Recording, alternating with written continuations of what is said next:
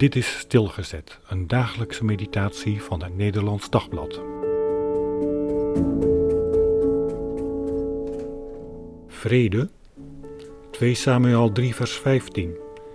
Isbozet liet Michal ophalen bij haar man Paltiel, de zoon van Laïs. Misschien was koning Isbozet het koningschap al lang zat. En nu zijn rechterhand Abner hem niet langer wilde helpen, zag hij het vast en zeker somber in.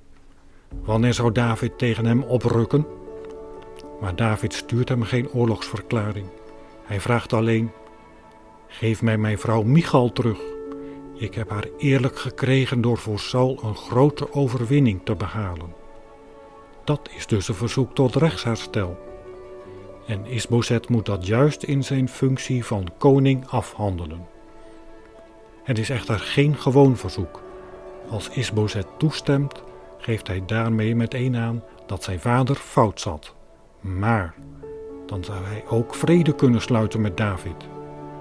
Het wordt dus spannend als hij Michal laat ophalen bij haar huidige man vandaan. Gaat Isbozet nu zelf met haar mee naar David toe? Wat zou dat mooi zijn?